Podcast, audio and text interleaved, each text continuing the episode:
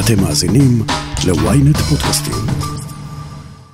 אני משיק היום את השלב הראשון של רפורמת המשילות, שתכליתה חיזוק הדמוקרטיה, שיקום המשילות, השבת האמון במערכת המשפט והשבת האיזון בין שלוש רשויות השלטון. בשולי הוויכוח על הרפורמה של יריב לוין מתחבא ויכוח אחר, על החוקה הישראלית. מתנגדי הרפורמה מעלים שוב ושוב את החשש שלתת כוח כל כך גדול לקואליציה לא ישאיר הגנה למיעוטים במדינה שאין לה חוקה שמעגנת זכויות אדם. מנגד, תומכי הרפורמה אומרים שאם בג"ץ קבע שחוקי היסוד הם בפועל החוקה שלנו, שעל בסיסה אפשר לפסול חוקים של הכנסת, הגיע הזמן להסדיר את כללי המשחק בעניין הזה. אבל מה זה בכלל חוקה? ואיך הגענו למצב שבשנת 75 למדינה ממשיכים להתווכח עליה? אני ישי שנרב, וזאת הכותרת.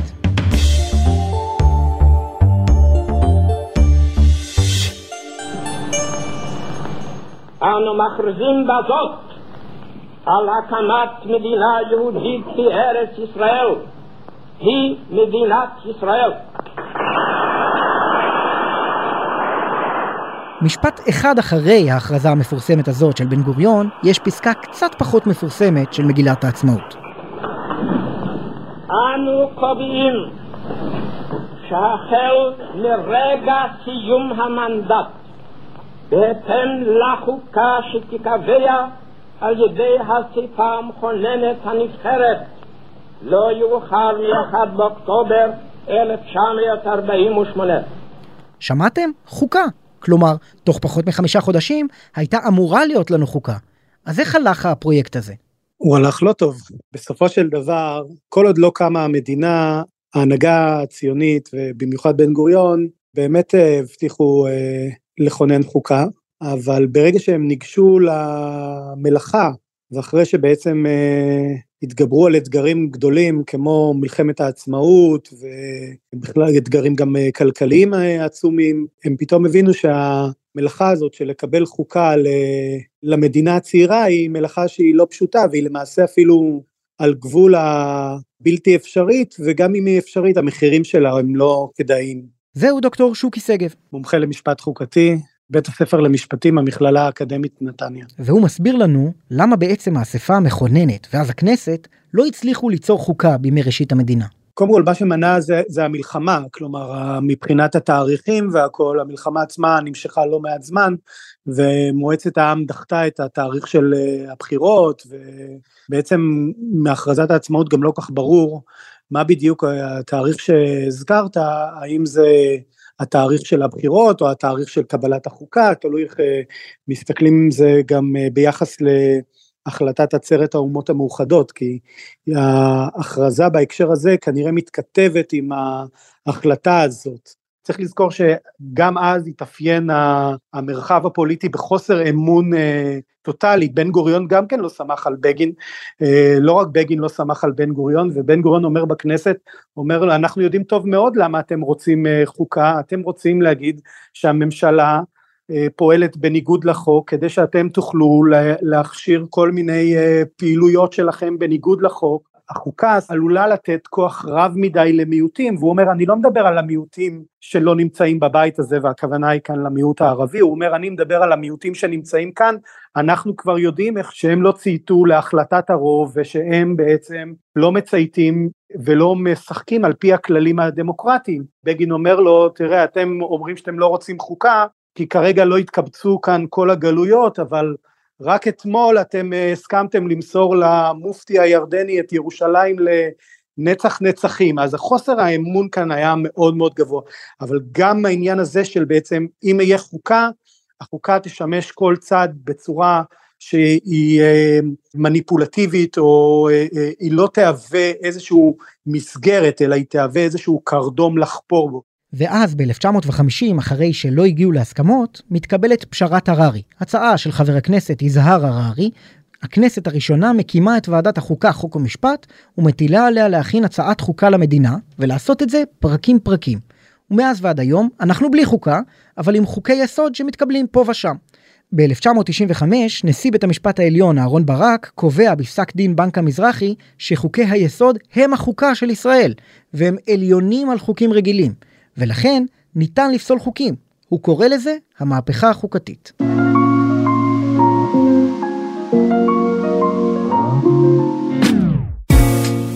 אז רגע, מה זאת בכלל חוקה? לפי הגדרה של ויקיפדיה, חוקה היא מכלול עקרונות או תקדימים המהווים בסיס משפטי ומנהלי של המשטר במדינה. או בשפה של בני אדם, הזכויות הכי בסיסיות שכולנו מסכימים עליהן, וכללי המשחק בין הגופים השונים במדינה. אם זה דבר כל כך בסיסי, איך המדינה מתפקדת בלעדיו? נשיא המכון הישראלי לדמוקרטיה יוחנן פלסנר, למה בעצם אין לנו חוקה?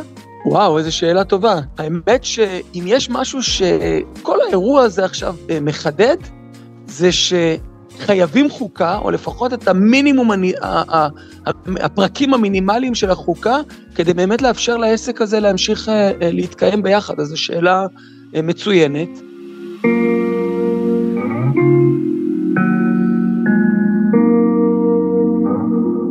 הרגע החוקתי המכונן, שכן אה, עבד כמו שצריך, היה הרגע של החתימה על מגילת העצמאות. שזה מסמך מדהים כשחושבים על זה. אה, מתוך זה שאנחנו כבר בתוך אה, מלחמת העצמאות, בשלב של ההתקפות של המיליציות הפלסטיניות בתוך שטחי ארץ ישראל, בדיוק לפני הפלישה של, הצבאות המסודרים, זאת אומרת באמת יישוב של 600 אלף שנמצא בסכנה קיומית ומייצר דיאלוג סביב מסמך מכונן, ומגיעים להסכמה, לא להסכמה רחבה, להסכמה מוחלטת, כולם חתמו. וזה בעצם היה המסמך ש, ש, שהיה בעצם המנדט שסביבו הסכימו על הקמת המדינה ומוסדות המדינה, ואחר כך באמת השלב הבא ההגיוני היה לקחת את המסמך הזה ולהפוך, כי הוא לא חוקה, הוא עקרונות, הוא ערכים, הוא, אה, הוא סיפור היסטורי, ולהפוך אותו אה, לחוקה. יש כל מיני הסברים לגבי מה קרה אה, מאז שהכנסת קמה. אחד, באמת, אחרי שכבר קמה המדינה וכבר ניצחנו במלחמת העצמאות, כבר לא היה את אותו תמריץ שהרגישו כשהצוואר מונח על הגיליוטינה, ועכשיו אנחנו חייבים לייצר הסכמות כדי שבאמת אה, תהיה לנו המדינה, כי לא תלוי בנו, הבריטים יוצאים ב-14 במאי, ועכשיו או שנקים מדינה או שלא. אז לא היה את אותו תמריץ חזק אה, לפשרות מצד אחד. יש כאלה שגם אה, אומרים שבן גוריון אה, לא כל כך דחף לכך והעדיף את, ה, את הגמישות אה, שתהיה לו. אה, יש, אני, אה, יש, יש כל מיני הסברים היסטוריים למה קרה שם, הלכו באמת על כיוון של פשרת הררי. במובן מסוים, אני לא מאלה שאומרים, וואלה, טעות של אה, בן גוריון וכן הלאה. הקים מדינה, הקים צבא, עשו כל כך הרבה דברים, השאיר איזה כמה אתגרים גם לדורות הבאים. אז במקום להתלונן למה הם לא עשו בשבילנו, בואו נעשה למען עצמנו. זהו, יש גם הרבה מדינות שאת החוקה שלהם מעבירות במשאל עם אחר כך, נכון? נכון, אז זה, זה, יש כל מיני פרוצדורות של איך בעצם אה, מסכימים על כללי המשחק, שהעיקרון הבסיסי שעומד מאחורי זה, זה שאת כללי המשחק הבסיסיים מה שבעצם מגדיר את החיים המשותפים, משהו שהוא הרמה שהיא מעל הפוליטיקה השוטפת, אה, אה, את זה אנחנו עושים בפרוצדורה מיוחדת, ברוב מאוד גדול, אז יש משאלי עם ויש שני שליש, ויש את הדוגמה האמריקאית שישראלים אה, מכירים, שבה בעצם גם לנשיא, על שינויים חוקתיים, לנשיא יש זכות וטו, צריך שני שליש מבית הנבחרים, שני שליש מהסנאט, שהם לא נשלטים על ידי הנשיא, ואחר כך המדינות השונות, כ-75% מהמדינות השונות, ה-state senates או הפרלמנטים המקומיים ב-50 המדינות, צריכים לאשר את זה גם. הממשלה, יש לה את מלוא הסמכויות לנהל מדיניות בתחום של uh, הקצאת תקציבים, שאלות של שלום, של מלחמה, הכל טוב, בשביל זה יש ממשלה, בשביל זה יש רשות מבצעת, אבל השאלות שנוגעות לאופי המדינה, לזכויות שלי, למשל העובדה שיש לי חופש קניין וחופש ביטוי, הדברים האלה הם לא במסגרת הפוליטיקה הרגילה, בשבילם צריך פרוצדורה מאוד מאוד אה, מיוחדת, וכשאתה חושב על זה, זה דבר הגיוני, זה ודאי הגיוני במדינות שהן אה, מקוטבות אה, וכן הלאה, אני, אה, פעם אני במיעוט ופעם אני ברוב, אני לא רוצה שכל מיני שאלות בסיסיות שנוגעות ליכולת שלי לקיים את אורח החיים שלי למשל, החירויות הבסיסיות שלי, חופש הביטוי, זה לא צריך להיות תלוי ב, ב, בשאלה מי ניצח בבחירות. ואנחנו יודעים שיש מעט מדינות דמוקרטיות שאין להן חוקה כתובה. למשל בריטניה, שזאת הדוגמה, או קנדה, ניו זילנד, ואתם, במכון הישראלי לדמוקרטיה, מציעים שישראל תעבור למועדון אחר, של המדינות עם חוקה. כשמדברים על דמוקרטיה, אז אנחנו אומרים יוון העתיקה, שלטון העם, הרוב מצביע, וזו מהות הדמוקרטיה. צריך להבין, הדמוקרטיה המודרנית, שבעצם התחילה אה, אה, בצרפת ובארצות הברית, החוקות המודרניות שאנחנו מכירים במאה ה-18, הם באים לתת ביטוי לרעיון אחר, לרעיון הזה שכבר חוץ מהמלך, קמו עוד שכבות שאמרו, יש לנו קול, יש לנו זכויות, יש לנו אינטרסים, גם אנחנו חלק מהמשחק. זאת אומרת, העלייה של, זה חלק מהמהפכה התעשייתית, העלייה של, ה, אה, אה, של הבורגנות, של ההשכלה, שבעצם הרעיון הדמוקרטי הבסיסי הוא החשדנות בפני, אה, מפני ריכוז כל הכוח בידיים של שליט, שאומרים, רגע, רגע, רגע, אחלה שיש לך סמכויות, אבל אנחנו רוצים לוודא למשל שהקניין שלנו מוגן. ובמובן הזה, זה קצת כאן קרה היפוך במדינת ישראל, כי זה רעיון שהוא רעיון מאוד שמרני, רעיון שחושד במדינה שיהיה לה יותר מדי כוח שהיא תשלוט על הפרט. הפרט רוצה את החופש שלו, רוצה את היזמות שלו, רוצה שידאגו לאינטרסים שלו, ובמובן הזה הוא אומר למדינה, עד כאן.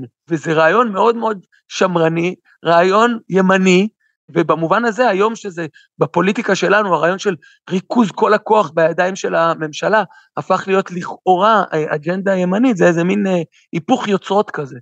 אבל מי שמכונן חוקה הוא הפרלמנט.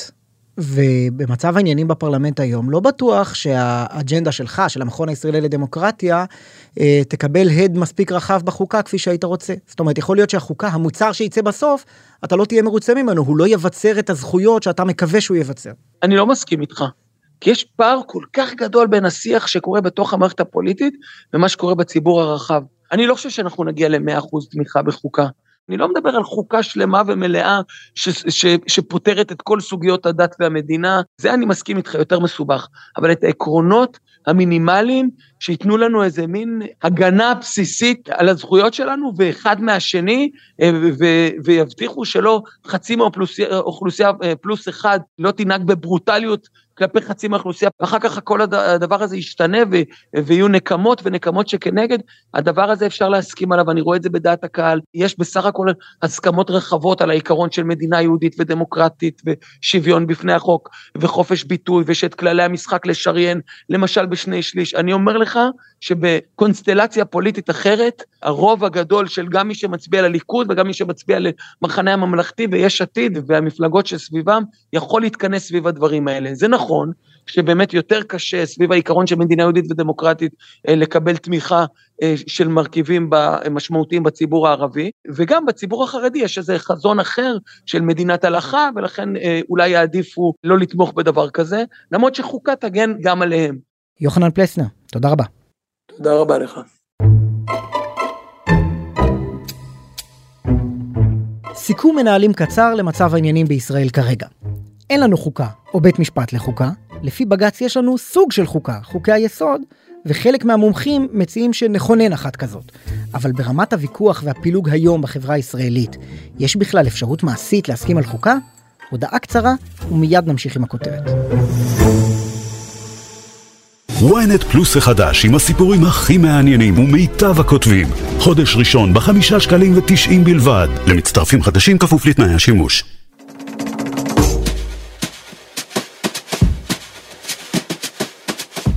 דוקטור שוקי שגב, בחזרה אליך. אתה כתבת מאמר בשם מדוע לישראל אין ולא תהיה חוקה. באמת מדוע? אז התשובה היא המחלוקות. אחד הדברים שמייסדי האומה הישראלית מתמודדים איתם זה אותם שסעים בדת מדינה, כלכלי חברתי והמדיני, אבל הם גם שמים לב, יש כמה דברים שמאפיינים את השסעים האלה. ראשית הם, הם שסעים שהם מאוד מאוד עמוקים, כלומר זה לא משהו שקל אה, לגשר עליו, כשאתה צריך מצד אחד יש לך תפיסות סוציאליסטיות על אה, גבול הקומוניסטיות בקום המדינה, שרוצים להלאים הכל ואת כל ה... אה, לא רק את האוצרות הטבע ואת המפעלים, אלא גם אפילו אה, דברים אחרים, אה, שוק שלא יתקיים כאן שוק חופשי וכיוצא באלה דברים, לעומת זאת יש כוחות שרוצים שוק חופשי, שרוצים קניין פרטי וכיוצא באלה דברים. אבל זה היה בשנות החמישים. אם תקפוץ להיום, יאמר לך יוחנן פלסנר מהמכון הישראלי לדמוקרטיה, חוץ מדת ומדינה, שזה באמת נושא סבוך שכנראה לא תצליח להגיע אליו להסכמות, אתה יכול להגיע בקווים כלליים להסכמות בענייני זכויות, בעניינים אה, כלכליים, אה, כמו שאמרו נפתלי בנט ויאיר לפיד בברית האחים. על 80% מהתוכן אנחנו מסכימים? גם אם זה היה נכון, ואני לא בטוח שזה נכון, ה-20% זה ה-20 שעליהם אנשים אה, בעצם אה, מוכנים אה, להילחם, אני לא רוצה להגיד ייהרג ובל יעבור, אבל דווקא הוויכוח החוקתי, דווקא הוויכוח על העקרונות הגדולים, על ה... בוא נשנה הכל, אה, רפורמה מרחיבה, ו... וזה, דווקא זה מסכן את היסודות של הדמוקרטיה הישראלית, ולכן כל פעם שאנחנו נכנסים לתוך אה, עשייה חוקתית אה, גרנדיוזית כזאת, זה מהלך שהוא מסוכן, כי הוא פורם את היסודות של החברה. עכשיו, אני, מאוד חשוב לי להבהיר שרפורמה בוועדה לבחירת שופטים, או לגבי עילת הסבירות, או לגבי פסקת ההתגברות, זה לא רפורמות שהן גרנדיוזיות, כמו למשל להקים איזשהו אה, אה, ועדה שעכשיו אה, תנסה לנסח מגילת זכויות ומוסדות וכללים אה, בסיסיים של מאלף ועד תף ולמעשה כאילו למחוק את כל ההיסטוריה שבעצם כבר יש לנו היסטוריה חוקתית אבל אתה צריך איזשהו רגע משברי כדי בעצם ללכת על מהלך של קבלת חוקה. והנה לך רגע משברי במדינת ישראל ואומרים מתנגדי הרפורמה אם הייתה לנו חוקה כתובה זכויות האדם בישראל היו מעוגנות איפשהו, ולא היינו זקוקים למלחמה הזאת על בג"ץ, כי היינו יודעים שזכויות האדם שמורות. כרגע ריכוז הכוח בידי הכנסת, בלי חוקה כתובה, לא מאפשר הגנה על מיעוטים. כן, אבל זו הסתכלות צרה מדי, כי ההסתכלות הרחבה צריך קודם ראשית להבין למה עושים חוקה, ובאיזה תנאים עושים חוקה. אחד הדברים שנזקקים לחוקה, דבר אחד זה, זה כדי ליצור יציבות, והדבר שני באמת זה איזושהי אה, חתירה לאידיאל של צדק, אה, שאותם אה, אנשים שניצבים ברגע של כינון החוקה, הם מעוניינים להוביל אליו. עכשיו, איפה זה הופך להיות מסובך? זה הופך להיות מסובך במדינות שהן בעצם לא הומוגניות ב, או באוכלוסייה שלהם, או בתפיסות עולם, בדמוקרטיות מודרניות אנחנו רואים שהחברה המודרנית מתאפיינת בפלורליזם של אידיאולוגיות ושל תפיסות טוב כוללות. ואז עולה השאלה, רגע, אם אנחנו, איך אנחנו בעצם מסדירים את שיתוף הפעולה בינינו. דוקטור שוקי שגב, תודה רבה. בשמחה. בשנת 1996, שנה אחרי המהפכה החוקתית של אהרן ברק, נאם אריה דרעי במליאת הכנסת. והוא אמר, אני כבר הפסקתי להאמין בנושא חוקי יסוד. גם אם היית מביא את עשרת הדיברות כחוק יסוד של ועדת החוקה, הייתי מצביע נגד. אני לא יודע מה אתם זוממים שם ביחד עם שופטי בית המשפט העליון. זה אריה דרעי. אבל ככה זה, בסוף כל משפט שאתם אומרים בעברית על חוקה ישראלית, יושב שופט עליון עם פרשנות מסוימת לחוק. תמיד מגיע גם לשאלה מה הסמכויות של השופטים ומי ממנה אותם. זהו, עד כאן הכותרת להפעם. אתם מוזמנים לעקוב אחרינו בוויינט רדיו, באפליקציה בנייד, ברכב או איפה שאתם שומעים את הפודקאסטים שלכם. אם זה קורה באפל או ספוטיפיי, אתם מוזמנים גם לדרג אותנו. על הדרך, האזינו לפרק נוסף שלנו על הכיף שקורה עכשיו בכנסת. חפשו את הפרק המופע של שמחה רוטמן. עורך הפודקאסטים הוא רון טוביה, איתי בצוות הכותרת שרון קידון ויואב רבינוביץ', תחקיר, הפקה ועריכה, אלי שמעוני וגיא סלם. אני ישי שנרב, להתראות.